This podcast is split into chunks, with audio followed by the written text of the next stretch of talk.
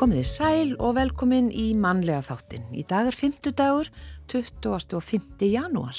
Já, í dag ætlum við að fræðast um bókina Geðkvörf fyrir byrjendur sem kemur út í dag og í henni er farið í gegnum greiningu geðkvarfa, líf með geðkvörfum, meðferð og bata. Og bókin er gefin út af landsbítala og fekk styrkur geðsjóði og Guðmunda Sirri Arnardóttir Kennari er ein fjögur af höfundabókarinnar og hún kemur til okkar í dag og segir okkur betur frá bókinni og hún segir, uh, sem hún segir að miðli nýjustu þekkingu bæði í læknisfræðilegri og bata miða, miðaðri fræði. Læknadagar voru haldnir í síðustu viku og þar var víða komið við og við höfum svona dálti verið að fjalla um ímislegt sem þar fór fram hér í manlega þættunum þessa vikuna. E, meðal annars var málþingum hormónameðferð kvenna en hormónameðferð er beitt í miklu mæli við tíðakvarfa enginum Slík meðferð getur aukið áhættuna á kvennkrabbameinum, þar með talið bróstakrabbameinum og legbólskrabbameinum. Og á þessu málþingi var leitast við að skýra þá áhættu og þær koma hingað Sigur Dís Haraldsdóttir, krabbameinslæknir og yfirlæknir á landsbítalanum og dósent við Háskóla Íslands og Kolbrún Pálsdóttir, kvennsjúkdómalæknir, yfirlæknir kvennlækninga teimis á landsbítalanum og sérfræðingur í krabbameinslækningum kvenna. Já, en við byrjum á tónlist eins og alltaf. Þetta er Egil Ólason að syngja lægið Ljósvíkingur. Lægið er eftir Gunnar Þórðarsson og textin er eftir Ólaf Haug Símonarsson.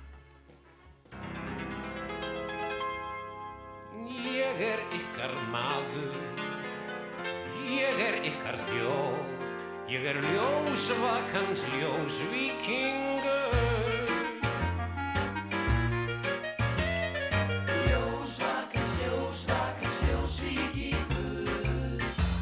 Sitt við hljóðnemann heilar nætur heilinn í mér bólgin styrðir fætur ég er popfræðingur og plötu snúður pendur tískunar og dapur trúður ljósvakans ljósvíkingur ljósvakans ljósvakans ljósvíkingur nú tíma maðurinn nærist á hljóðum náfamlega því sem við hér bjóðum. Til þeirra okkar er trömbuslegin taktföst ávær og sikur legin. Ég er ljósvakant ljósvikingur Beiti æg beiti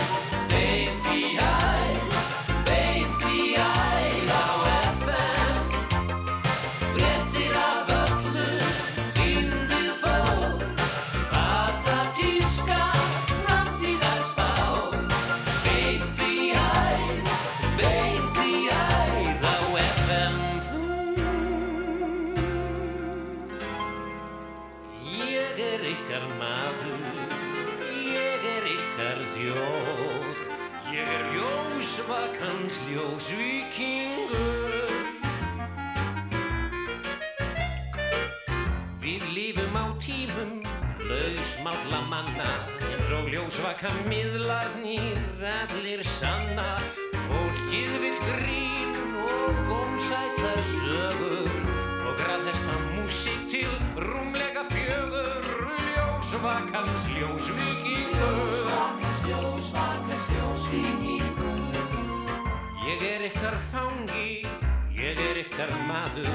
Ég er álitinn hress og sprækur gladur Ég er popfræðingur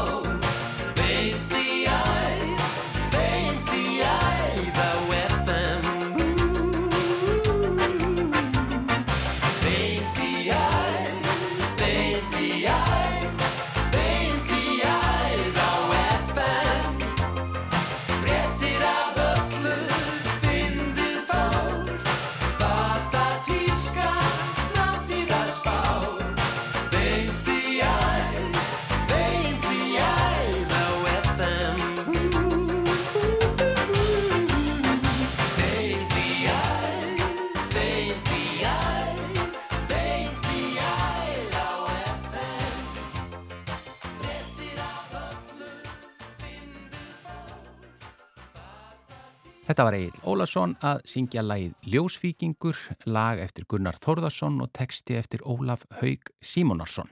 Eins og við sögðum frá í upphafi þá er hún komin hingað hún Guðmynda Sirri Arnardóttir, eh, kennari. Eh, það er út af bókinni Geðkvörf fyrir byrjendur sem að kemur út í dag ekki sett. Jú, hún kemur út í dag. Velkomin í mannlega þáttinn. Takk fyrir það. Þetta er þú ert ein fjögura höfunda Já, þessara bókar. Uh, og, segð okkur aðeins bara hvert þessi bók, uh, hva, hva, hvernig hún kom til og hvað, hvað hún á að gera.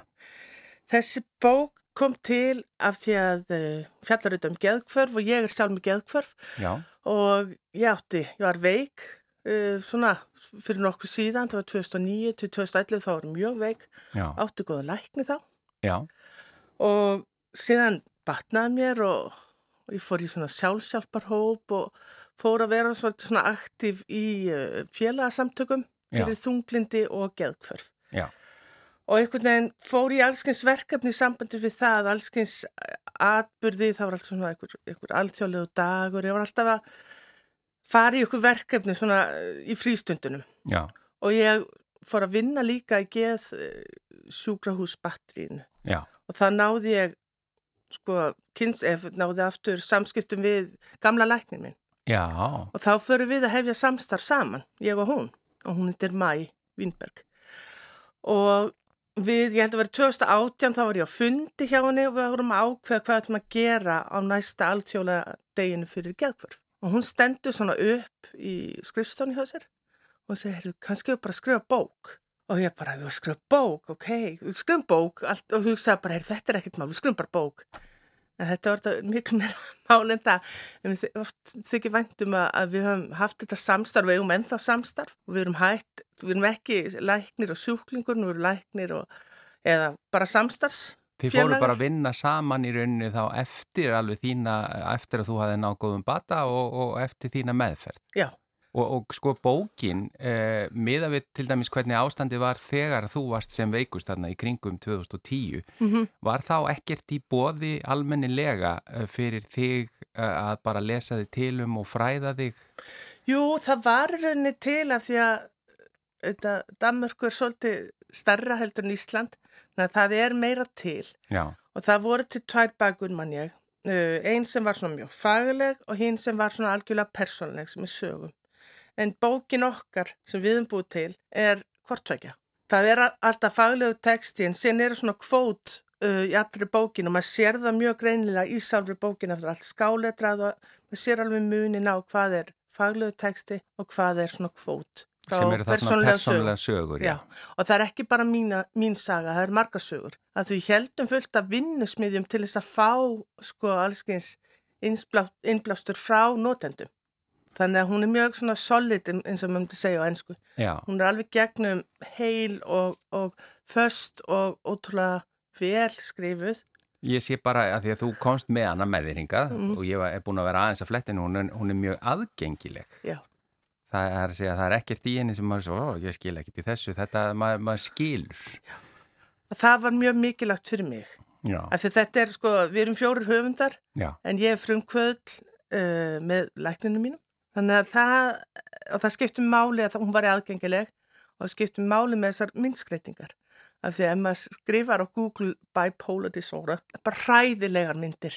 já. Það er bara svona myndir þar sem fólk er klofið í tvent og sen er það glatt einu megin og mjög sorgmænt hinu megin, það er bara andlutinu skipt í tvent. Og það var mjög mikilvægt fyrir mig að, að lýsa þessum sjúkdami líka mynd, á myndrannan hátt. Þannig margar af þessum myndum sem eru í bókinni, ég hef átt sko hugmyndina og teiknað hana svo leis og sen hefur rosalega góð samstarfi við myndskreiti. Els Kúls. Elskúls. Já, þetta eru, ég ekki skrifa bara undir það, þetta eru frábærar myndir og mjög eh, svona einmitt, það er hjálpa mann að komast inn í þennan heim. Eh, og, og eh, eins og segir, það eru líka persónulegar sögur og það eru auðvitað það sem að maður svona tengir aðeins við. Hver- svona er aðeins þín saga bara í stuttu máli eh, og, og, og eh, það er að segja, hvernig var þitt, þitt ferli í þessu? Það er þetta mjög langt og það er ennþá, það er ennþá, sko, er ekki, þetta er ekki eitthvað sem ég hef, sloppið við, sko. En ég var bara mjög veik eftir barspurð og eftir brjóstakjöf, þeir hættu á því. Og ég man bara eftir eh, sko júlimánuði 2009 þar sem ég er út um allt. Ég er bara hér og þar.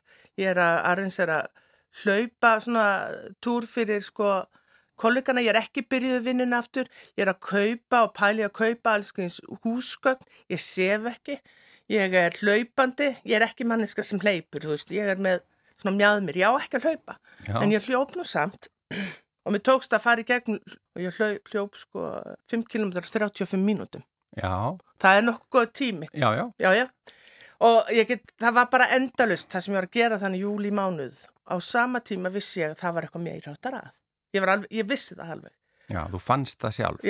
En var þú vissir ekki hvað það var. nei, og ég var undir höndum sko geðlagnis út af fæðingaþunglindi en ég treyst honum ekki. En ég var út um allt að reyna að finna hjálp. Fann einhvern sálfræðing, fann einhvern, einhverja spákonu, fann eitthvað allskins að fá einhver svör.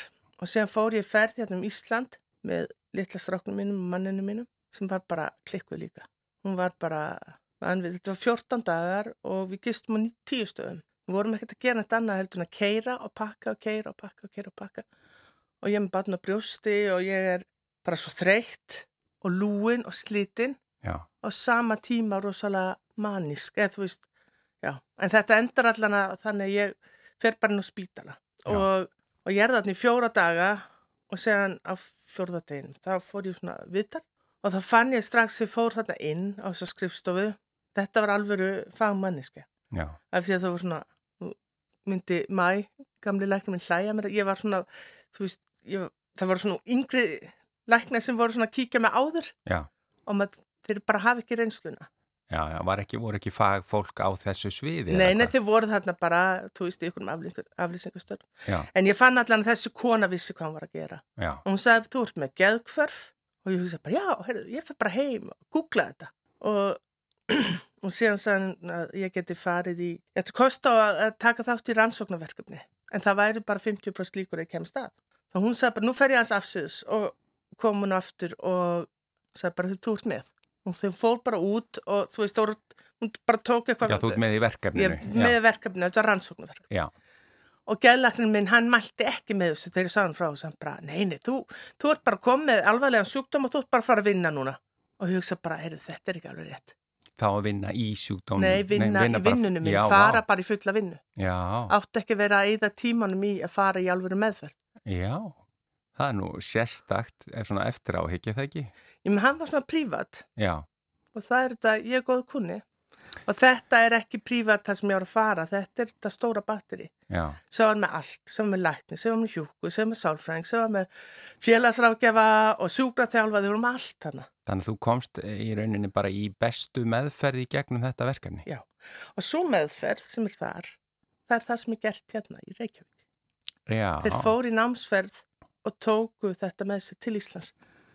Þetta var tilraunaverkefni en nú er nú bara komið í gagni. Já, og þau, búin, þau lærðu þetta í Danmörku og eru hérna örgulega líka með fleiri svona uh, tengsl við önnur en það er, já þetta er það sem öllum köllum í gull, eh, hérna, gullpakkin á í Danmörku. Já, besti pakkin. Já, En uh, í gegnum þetta þá nærðu uh, bata. Já.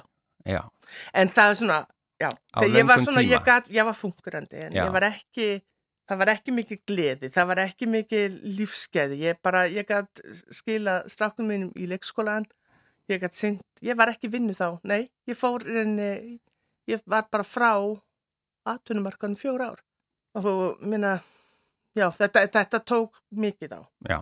En svo, og, og hvenar færðu svo bara að vinna í þessum málum? Er það í framhaldi eða er út farin að ná betri bata eða? Nei, það var af því þegar, þú veist, maður fær bara svona meðferð í ákveðin tíma. Þetta Já. er ekkert eitthvað sem er til eiliða nóns. Já, Þetta er bara frá A til B og á sama tíma er það ferli, bataferli er ekki frá A til B, það er allt lífið. já, En þannig að ég var svona á leiðinni og sem Já. fann ég hennan sjálfsjálpar hóp, uh, geðkvara hóp og það var rauninni það sem hjálpaði mér, eða þú veist það tók bara við og ég hitti þar mann sem sá um hópin og hann sagði alltaf á dönsku, hæ, ég heiða Mess, mm ég har det Hæ, ég heiti Mess, mér líður vel, eða ég er ánaður, ég, mér líður vel já, og ég var brjáluð og ég var brjáluð út í hann. Þú veist, af því að þetta, hann var bara ljúa já, bara gæti ekki gæti ekki liðið vel með þennan sjúkdóm. Já, hann, hann var sjálfur. Já, já, all, allt þetta fólk var sjálf, sjálf með þetta. Og þú helst að það var ekki möguleiki Nei, það var ekki liðið möguleiki, vel. það var ekki möguleiki. Já, Og það, ég veit ekki af hverju, ég held áfram að fara.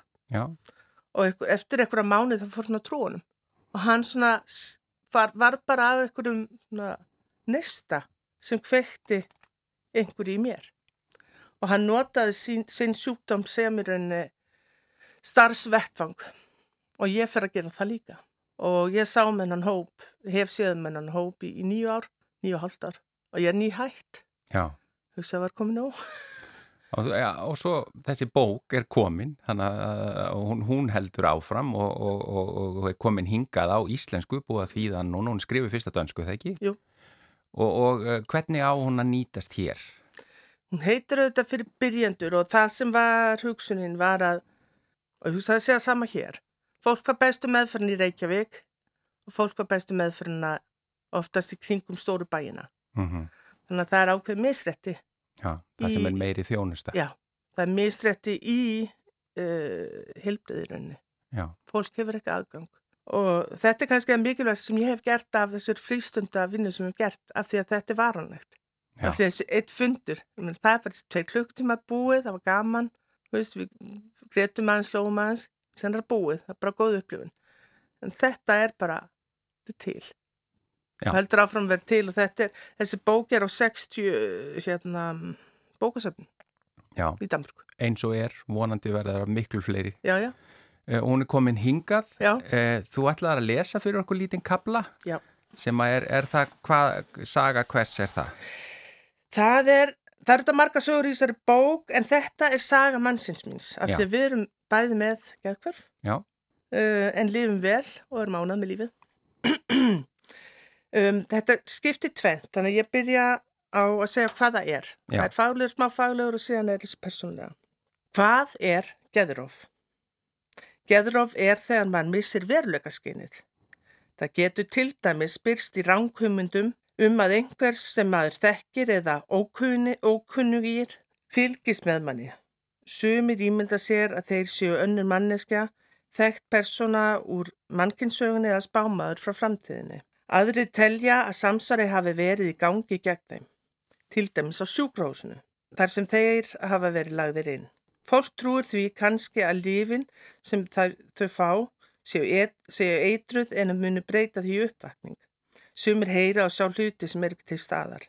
Enginni geðrófs koma fram í örlundi eða þunglindi þegar verslætur og þá er innlögn oftast nöðsynleg. Og síðan kemur persónulega sagan. Hvernig er að upplifa geðróf? Í geðrófi er eins og mér dreym í vöku og ég man mest af því.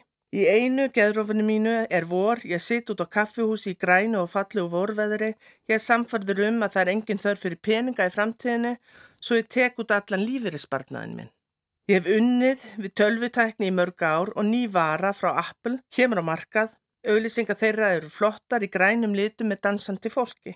Ég er samfærður um að nú geti allir orðið frumlegir og skapandi tónlistamenn. Ég fer í Apple, verslunna í bænum og kaupi fyrst í Powerbook tölvuna mína. Gengum í búðinni í sælu vímu, upprifin og heitlaður. Tölvan bilar í miðri kvikmynd, heima og ég held að ég verða að bjarga Steve Jobs sem er inn í tölfunni og fara ráðstöfnu í Kaliforníu. Fyrir aftur í vestununa og ég nenni ekki að býða í 14 daga eftir viðgerð svo ég kaupi nýja tölvu. Ég kaupi margar Apple-vörur eftir þetta. 10 tölfur, 11 iPoda og 6 iPada. Ég týni mörgum þeirra eða gleym einhver starf á bekk í lestinni og gef frá mér. Ég er alveg hillaður af öllu sem er grænt. Grænum fötum, grænum nöppum, grænum húsgögnum og jafnvel grænum bjór. Ég er reyndar enn mjög hrifin af grænu. Ég upplifði einnig óttaleysi þegar ég stilti mér upp fyrir framann bíl, reyður yfir því það skuli vera bílar í bænum. Bílar eiga ekki að vera í bænum og ég ætla að binda enda á það. Ég lendi næstum því í átökum við bílstjóran. Hann bakkaði burtu til allra hamingju fyrir okkur báða. Ég var yfir komin af reyði og réttlættiskend minni var algjörlega misbóðið. Já, þetta er saga mannsins þýs, en þetta er kannski lýsandi fyrir geðróf. Já, þetta er lýsandi fyrir geðróf. af því að hérna missum er verðlugaskinu. Ég sé bara til hamingju með bókina og nú er hún komin á íslensku uh, þannig að fólk getur fundið hana geðkvörf fyrir byrjandur uh, Guðmunda Siri Arnaldóttir þakka er innlega fyrir að koma í mannlega þáttin og segja okkur aðeins frá henni og, og við kannski fáum þið aftur einhvern tíman í spjall síðar. Kem endilega aftur. Þið erum ekki búin að koma í ykkur bókabúð. Hún er, það er að kaupa hann á kleppi. Það þarf að fara að klepp til þess að kaupa bókina. Þá erum við komið, það, það er komið á framfæri hér. Takk innilega fyrir kominni í mannlega þáttin. Takk.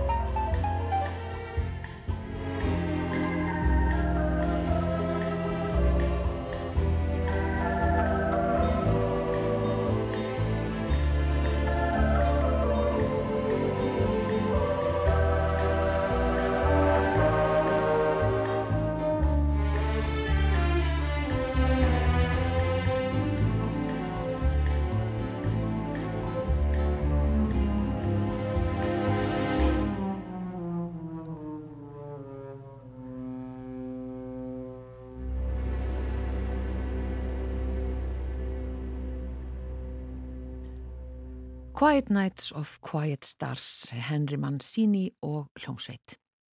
Það eru komna hinga Kolbrún Pálsdóttir, kvennsjúkdómalæknir og yfirlæknir kvenlækningateimis á landsbítalunum og sérfræðingur í krabbaminslækningum kvenna og Sigur Dís Haraldsdóttir, krabbaminslæknir og yfirlæknir á landsbítalunum, Háskóla sjúkrahúsi og dósend við Háskóla Íslands. Velkomnar!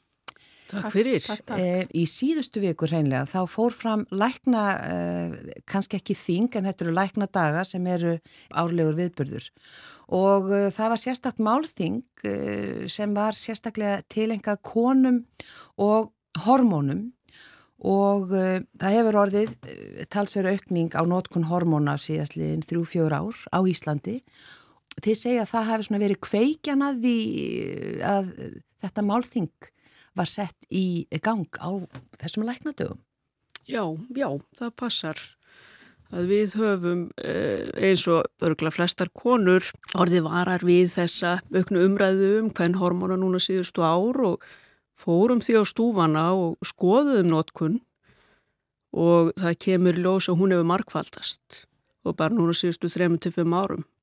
Markvaldast, sennilega? Já, já, ja. til að nefna tölur að estrogenótkun hefur tvöfaldast, prógestronótkun hefur áttfaldast og við erum notað 16 falt meira testosterón fyrir konur heldur við gerum fyrir kannski 5 árum og því þótt okkur rétt að halda þetta málþing og til að fræða heilbreyðistarsfólk og almenning því að þessi lifi eru náttúrulega ekki alveg hættulaus og við böðum því lækni frá bandaríkunum, Dr. Brittany Bikowski sem er krabbaminslæknir og assistant professor við Harvard til að koma og vera með erindi á samt fleiri góðum fyrirlesur. Já, E, svona, hver er ástæðan haldið fyrir þessari markföldun? Þetta er nú alveg, það er eiginlega svona understatement að segja aukning. Þetta er bara markföldun á nótkunninni.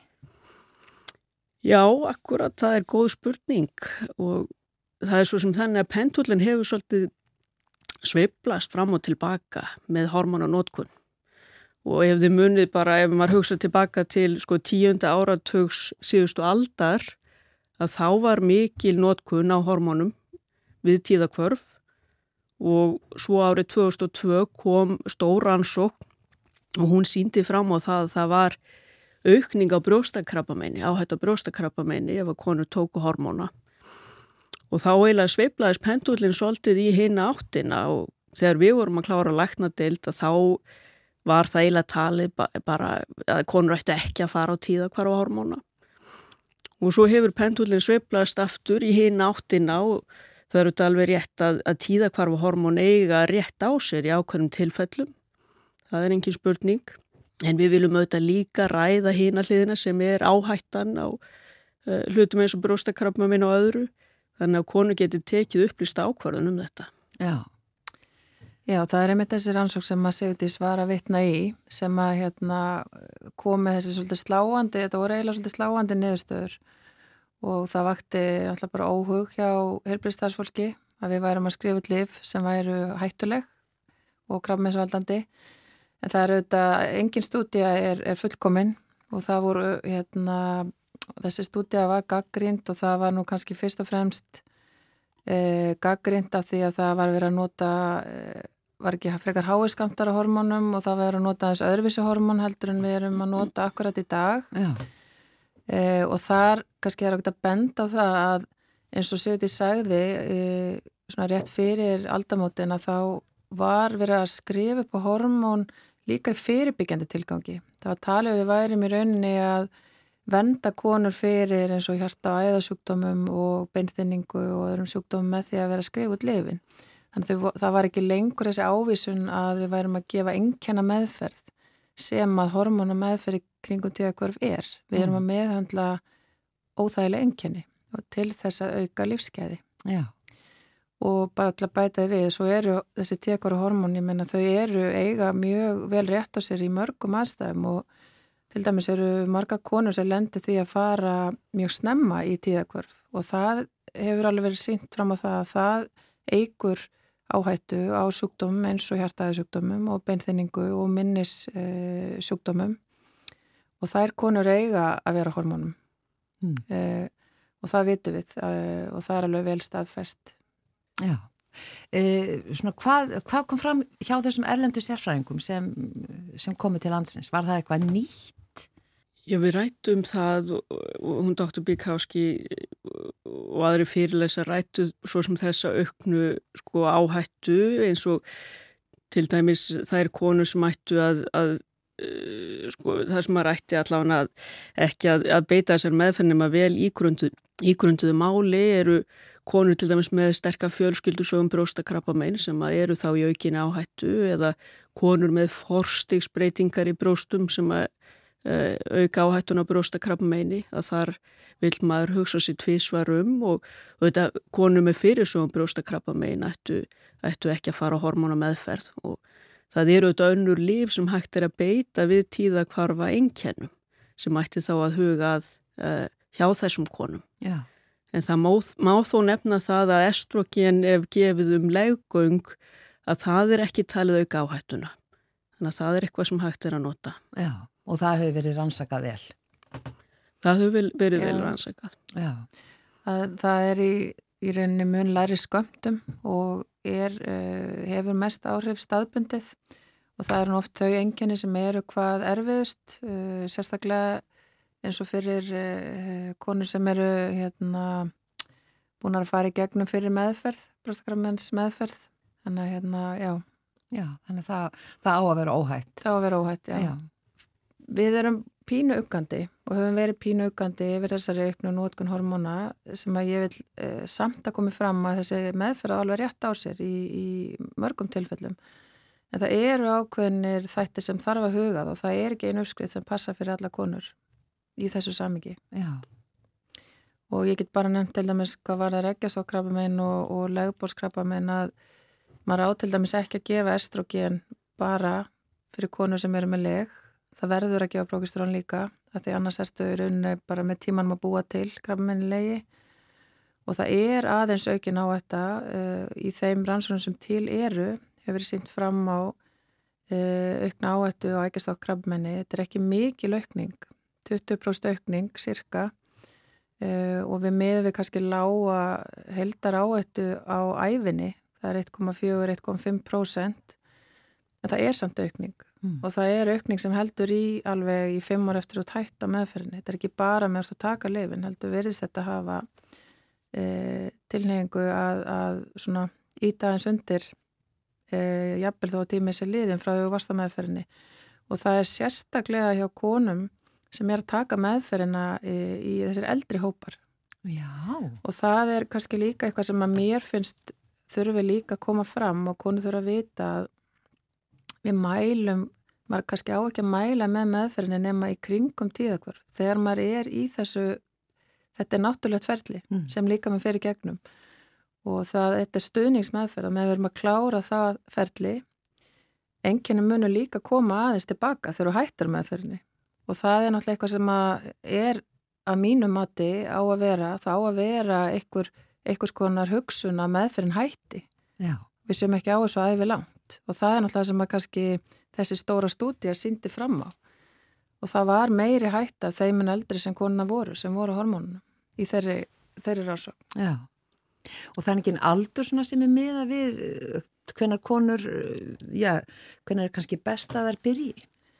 Það er náttúrulega að- best að byrja sem næst tíðakvörum Já, uh, og náttúrulega tíðakvörfin eru þetta þar að blæðingar hætta en það er alveg búið að sína fram og hormonabreitingarna geta byrja löngu áður en að, áður en að tíða, tíðir stoppa. já. Og oft kannski konur ómeðvitaðar um einkennin Algjörlega, í fyrstu. algjörlega og, hérna, og það er bara mjög gott að það sé verið að sinna þessu en þetta líka kannski svona það er alltaf mikilvægt að þessu lífskeiði til staðar meðan maður er á lífi eh, en ég held bara þetta við sem að gefa konum góðar upplýsingar og réttar upplýsingar og hvenar á að byrja þá byrja sem næst, næst þessum aldri og allavega svona samkvæmt þeim leifinningum sem ég hef verið að lesa og, og kannski það rannsón sem eru gerðar að maður á ekki verið að byrja þetta meirinn tíu ár frá því að tíðir hættu. Þá erum við komin út á, eitthvað, út á hálanís að mínu mati. Sammála því og það var talsvögt drættum það á þinginu að ef að maður setur konur á þessa tíðakvaru hormóna þá að reyna meðhöndla er innan við fimm ár. Mm. Þið vitum það líka brjóstakrabbins áhættan, hún eigst e, umtalsvert ef að það eru á þessum meir en fimm ár. Já. En þetta kannski stangast svona dálítið á við umræðina uh, svona sem að heyrir allt í kringum að Já, ég held það er auðvitað mikilvægt að hafa jafnvægi í þessari umræðu og þið veitum við, við tölum um kostina en við þurfum líka að tala um gallana. Og ég held, sko, okkur hefur fundist það svolítið vanda í þessu umræðu og maður heyri stundum, sko, konum finnast þar jafnvel verið að missa af einhverju að fara ekki á þessi líf en, en sko ég held að það sé alls ekki og það er bara þannig að þessu geta fyllt áhættur. Og kannski bara aðeins til þess að koma inn á testosterónið sko að, að það hefur raunni verið lítið rannsakað hjá konum. Þannig ég held að það ætti ekki að vera að nota í svona stórum stíl eins og við sjáum akkurat núna. mm. Nei og líka það að, að það er annar þáttur þar að við erum ekki með e, við erum ekki með í rauninni livjaform sem að er e, skamtað. Þetta er mjög ónákvæm skömmtun á livjónum. Þetta eru, það verður að gefa sér eitt tíunda úr e, gel, e, eitthvað svona gel e, túpu Já, og skamtarnir eru náttúrulega bara breytilegir eftir hversu mikið gel og tekur. já og þetta er mælt í hérna- pumpum. Já, Já, og þetta er hérna, og það er líka eins og Sigurði sagði að þetta hefur kannski ekkit verið eitthvað rosalega vel rannsakað hvorki hvað varðar eh, áhættur, ekki bara áhættur á krabbamennum, heldur líka bara áhættur myndi ég halda á, á eins og hjarta eðsúkdómum og öðru sem að testosteron hefur vissulega áhrif á um, en, en það er auðvitað líka í þessu eins og öðru að, að þetta rétt á sér þessi meðferð í vissum tilvikum en en að hvort að það sé svona mikil almenn nótkun það, mér finnst það svona mér að til efs að það sé í rauninni þörf í öllum tilvikum og ég vil eitt allavega svona þannig þeim fræðum sem að ég hef hérna lært í þessum efnum er að maður byrjar yfirleitt ekki með alla þessa meðferð í einu og sama þú byrjar á því að prófa þér svolítið áfram og, og hérna auðvitað ef, að, ef að ekkert virkar og, og það er búið að mæla mjög látt testastóran og, og þetta, þá er þetta að prófa þetta þannig að hérna en það er eins og, það þarf að vera eitthvað einhvers konar jafnvægi og einhvers konar kannski svona pínu varnaglar að við vitum ekki allan sannleikin um þessa meðferð. Já, akkurat. Og ástæðan fyrir að þið sem sagt, em- emduð til þessa málþings er akkurat svo eins og við byrjum á og það er þessi margfalda aukning á hormónaintöku og já, bara hormónanótkun yfirleitt. E, farið aftur yfir hversu hérna margfalda, að þetta var svo sláandi tölur upphafi. Já. svona, svo- já, Já, ef við skoðum þetta bara sko núna á síðustu þremur árum, þremur til fimm árum kannski að þá hefur estrogenótkun tvöfaldast hjá konum á Íslandi, prókistrónótkun áttfaldast og testosteronótkun hefur sextánfaldast hjá konum. Mm.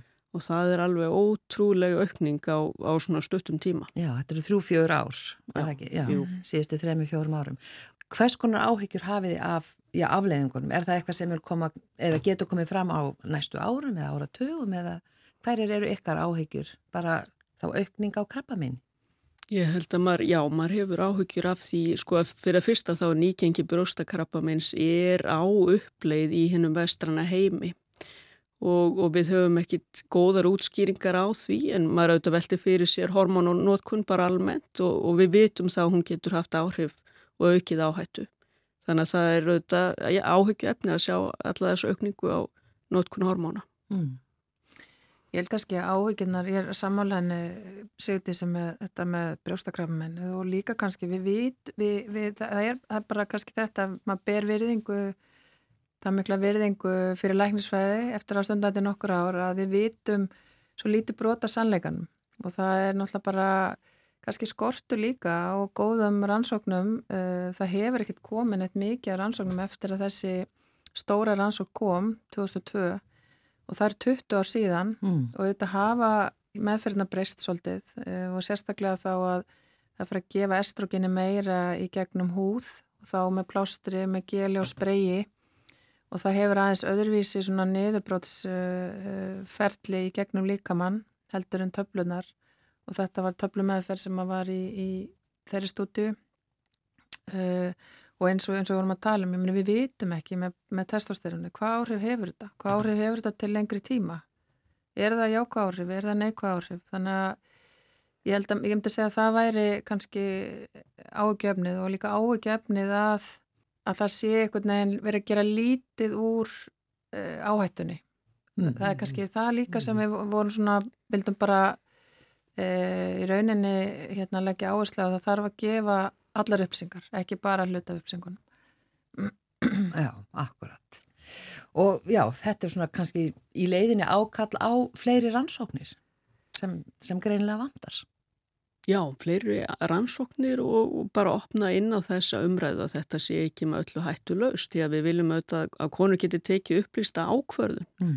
um það hvort þær vilja fara á hormonameðferði eða ekki. Já, Og við vonum stöðu til þess að geta frætt almenning meira núna í kjölfar þessa málþings. Málþingið er, er meira ætlað heilbriðið starfsfólki en, en viljum fara í öfluri fræðslu uh, út af við til almennings. já, akkurat.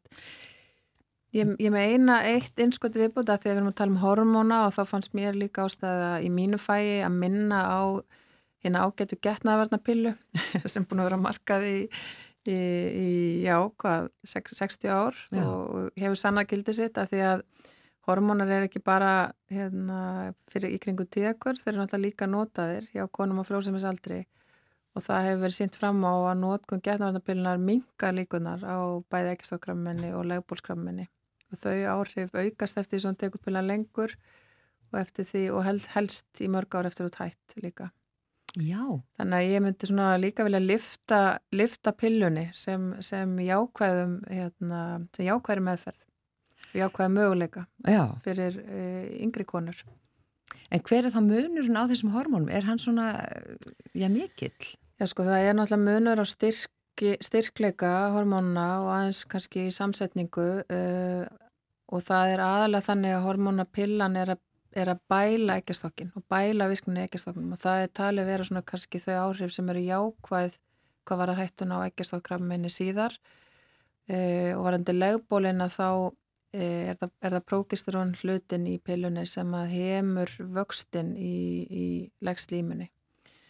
Og það er líka auðvitað, þarf að huga öðrum áttu þáttum þar meðan maður er að velja en, en við erum náttúrulega líka með áhyggjur í framtíðinni eins og, og Sigurdís kom inn á að, að nýgengi krabbamenn er að aukast og til dæmis legbólskrabbamenn er að aukast og það er beint tengt við offitu.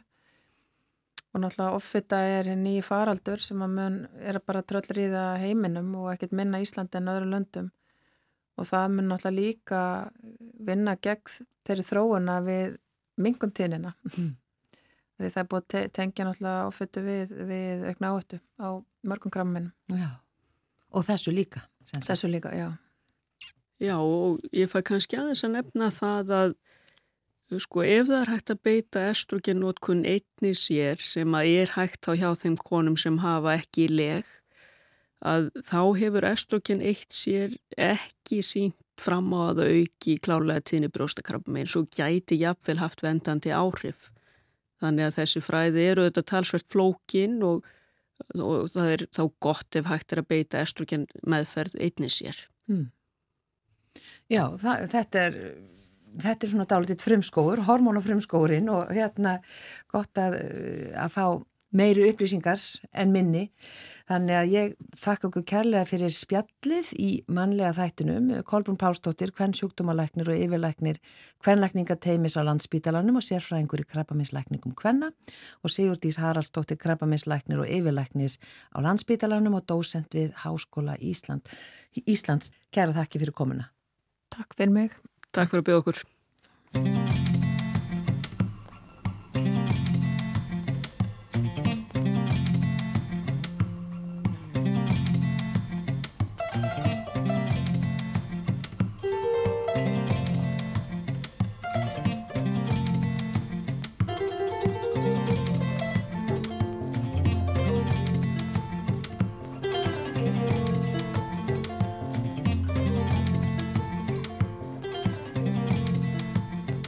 I've been working on my rewrite, that's right. I'm gonna change the ending. Gonna throw away my title and toss it in the trash. Every minute after midnight, all the time I'm spending is just for working on my rewrite, that's right. I'm gonna turn it into cash. I've been working at the car wash. I consider it my day job. Cause it's really not a paid job. But that's where I am. Everybody says the old guy working at the car wash hasn't got a brain cell left since Vietnam. But I say, help me, help me, help me, help me. Thank you. I had no idea that you were there. When I said, help me, help me, help me, help me. Whoa, thank you for listening to my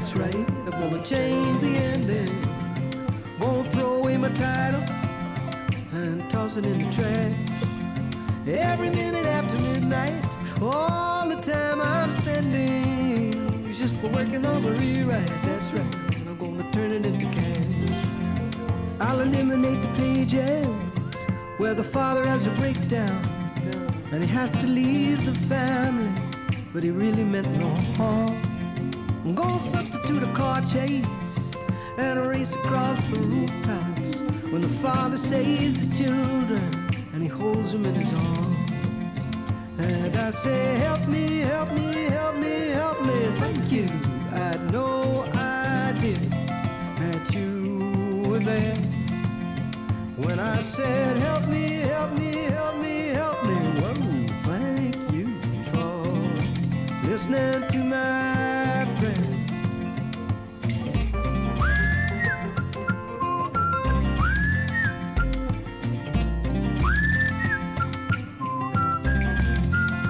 Working on my re-rate.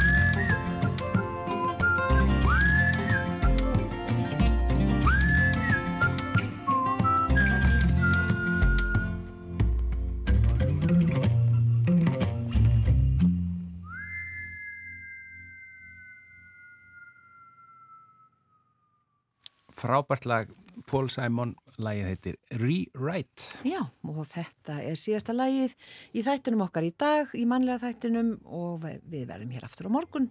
Þá er föstu dagur og við erum með föstu dagsgest og matarspjall sem tengist bóndadeinum. Já, förstaskesturinn eigum að ljóstur upp úr um hver það er. Já, Já, það er Jón Jósef Snæbjörnsson eða Jónsi. í svörstum fötum Já, eins og hann er oft kallaður. Mm. En við þökkum innilega fyrir samfylgdina í dag. Verðið sæl.